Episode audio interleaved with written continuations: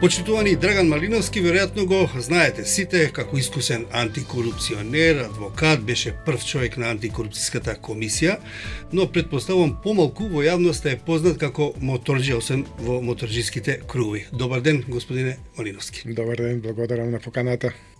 Значи, во ова издание на подкастот Зошто, му абетиме на многу сериозна тема, Моторите се превозно средство, учесници во сообраќајот се повеќе се присутни на македонските улици и патишта.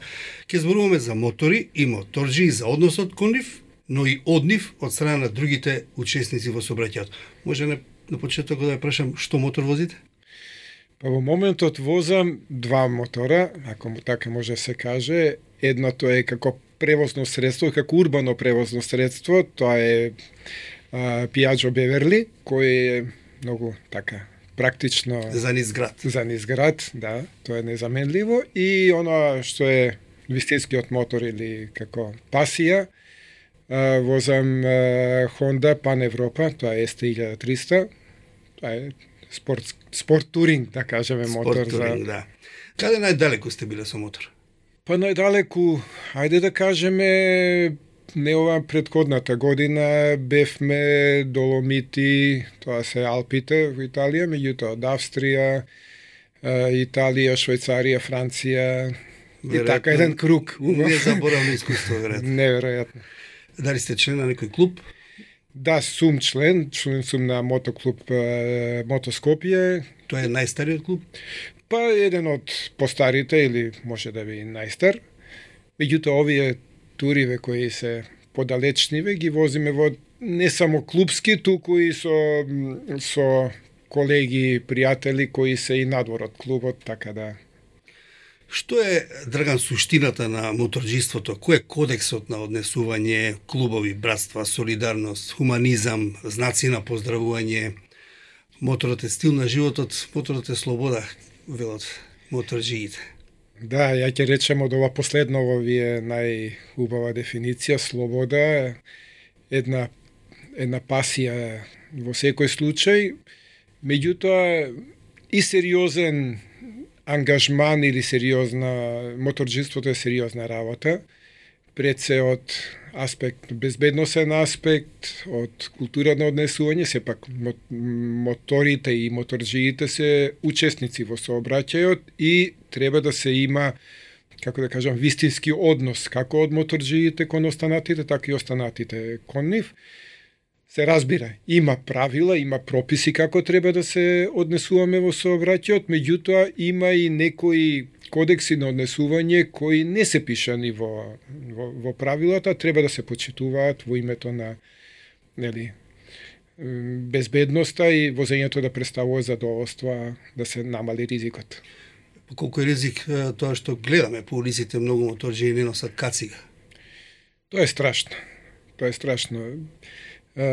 Сега, минатава година, односно година во март, бев на некоја посета во Америка и на Флорида, таму имав прилика да се во еден интересен клуб на Харли Девисон да се така да се подружиме.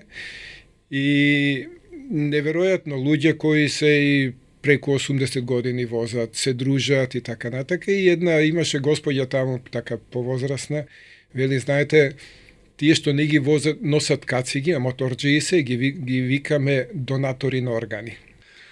За жал. Страшно, да. Значи, од да. тоа се ви кажува колку е, колку е тоа...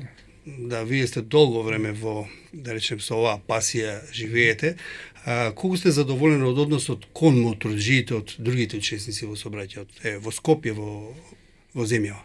Знаете, спетам дека генерално не ни е а, задоволително нивото на култура воопшто во собраќајот, а, аналогно на тоа и кон моторџиите. на вистина тука има многу да се работи, многу да, да се како од аспект на регулатива, така и од аспект на поведение, ако сакате санкционирање, едноставно мора да се работи на е, законитост и на култура во, во, во сообраќајот. Не можам да речам дека сум презадоволен, меѓутоа, тоа е што е. Од друга страна, често имам впечаток и дека дел од пешаците, сите сме ние, пешаци, а, од возачите на автомобили, многумина моторџи имаат и автомобили, возат и автомобили, mm -hmm. но некако немаат благонаклонот однос кон моторџиите на улиците.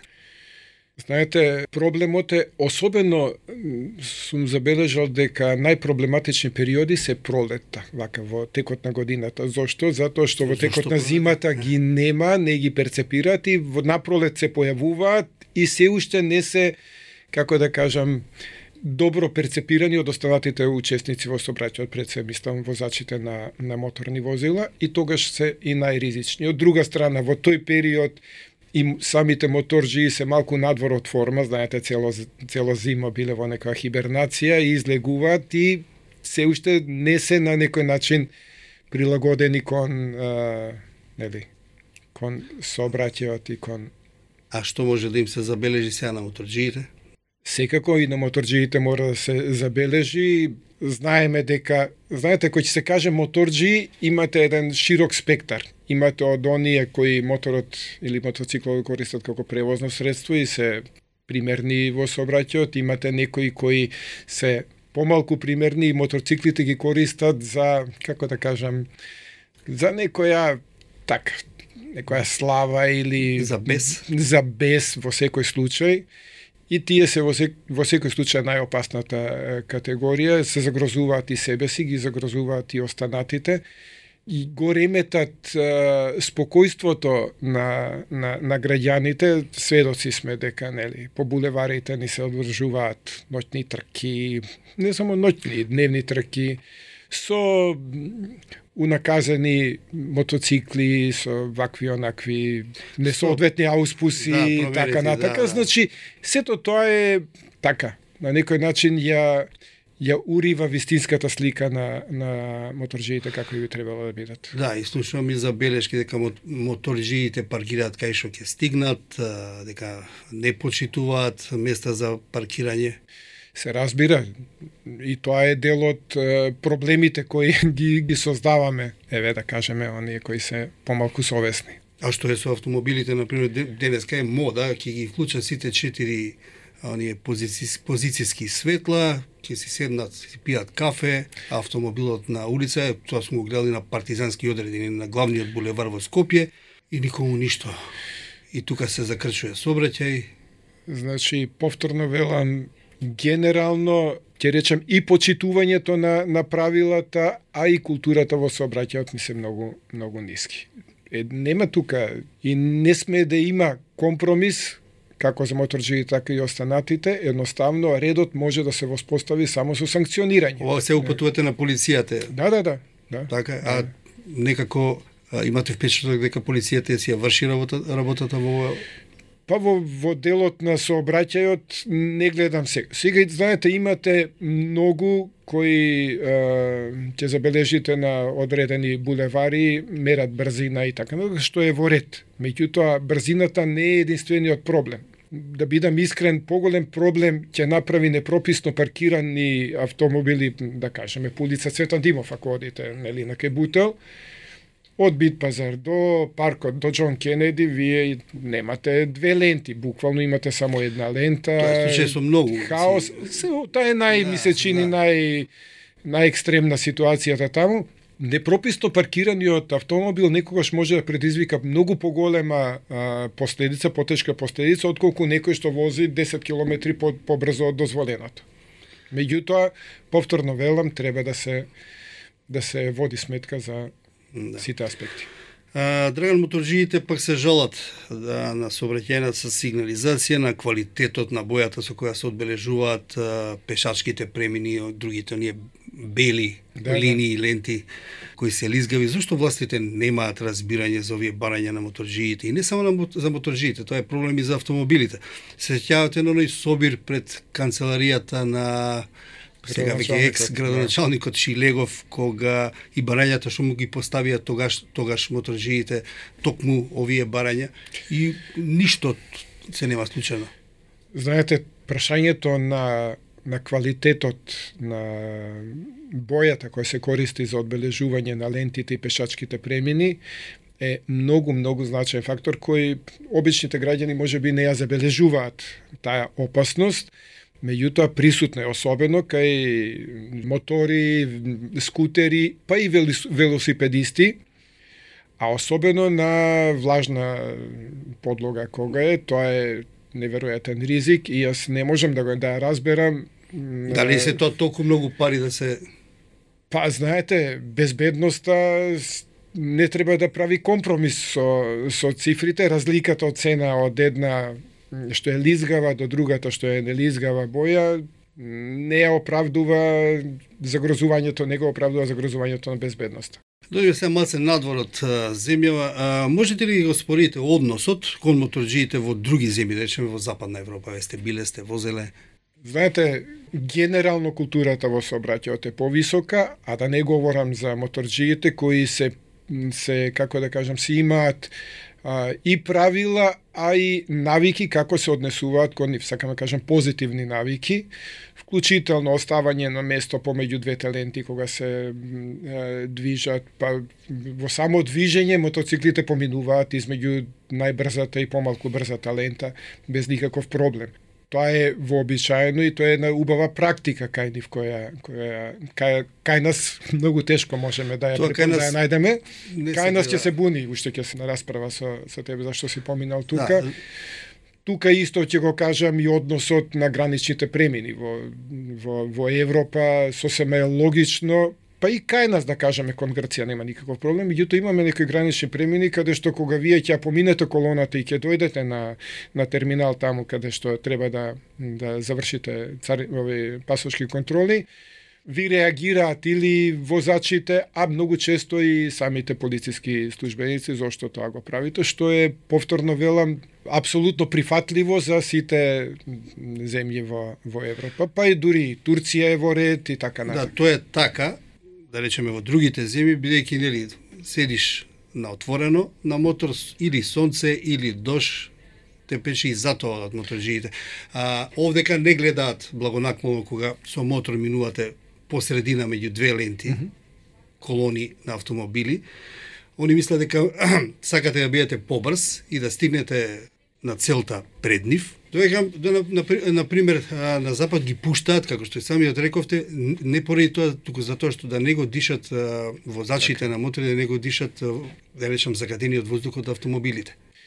Токму така, значи има многу многу причини зошто тоа така функционира и тоа не е, не е проблем. Не гледам ни една причина зошто повторно велам кај нас се доживува дека вие како да кажам злоупотребувате некоја некоја привилегија и на тој начин сакате да изгледате предни во редот што е на некој начин неприфатливо. Се преземаат ли некакви активности во моторџиските клубови, а, например за едукација и на моторџиите и некои акции, да речеме, едноставно да се едуцираат сите учесници во сообраќајот како треба да кохабитираат едни со yeah. други во сообраќајот? Да, клубовите се во, во принцип добро место каде некој што е да кажеме почетник ќе дојде и на нек ќе биде воведен во во во моторџиството, нели? Не само оноа дека добил дозвола да управува мотоцикл, туку и како да се однесува во во собраќајот, како да се однесува во група, како да се однесува кон останатите колеги. Значи, си има правила тука како како функционира и особено велам оне поискусните го пренесуваат своето своето знаење, умење, бидејќи повторно велам, за кога ќе добие некој категорија а за да управува мотоцикл, он добил тек стекнал право да почне да учи да, на тој начин. Инаку, истото, да, исто. многу е лошо ако некој што што туку положил смета дека е дека е доктор за мотор. Па доктор и едноставно дека ги совладал сите сите тајни на. Така е, прочитав дека среќа нели тоа е позната работа, среќата со пари не се купува, меѓутоа дали сте виделе моторџија на мотор кога вози дека е несреќен? Неверојатно чувство е тоа, знаете, кога сте сами, особено ако имате кацига без комуникација, што ја препорачувам кај сериозни моторџи кога возат подалеку, чувството е прекрасно бидејќи не комуницирате со со никого, ни со сопатникот, ни не со... користите Bluetooth на кацигата? Не, не, не, не. јас избегнувам тоа бидејќи сакам да бидам сам со себе, со просторот, со со мотоциклот, со браќаот. Секако и тоа колку е добро, толку моето искуство е такво, колку е добро, толку е и... Знае да го одвлече внимание. Знае да го одвлече Да. вниманието, како што и исто навигацијски системи едно друго добри се, меѓутоа треба многу внимателно со тоа да се Да, да, сега, бидејќи сега, вниманието го, го сега модерните мотори имаат, е, речи си се што имате и автомобили. Да, да, да, да. Драга Малиновски, имате два прста доле со лева рака, како знак на нели на моторжески респект од мене, возете безбедно и чувајте се, а во некоја следна прилика ќе разговарам и за вашата професија, за корупцијата, за суството, вие сте дел од тој систем и тука има има многу многу што, меѓутоа ова е тема за моторите. Ви благодарам за разговорот. Ви благодарам и вас на поканата и беше пријатно да разговараме на ваква убава тема. А вие почитувани, слушајте не, следете го подкастот Зошто на Слободна Европа и на Spotify, YouTube, Apple и Google Podcast. Кликнете на Зошто и давајте ни идеи и теми кои вие сакате ги слушате, а ние ќе прашуваме преку нашите социјални мрежи. Поздрав од Дејан Балаловски и Зоран Ќука.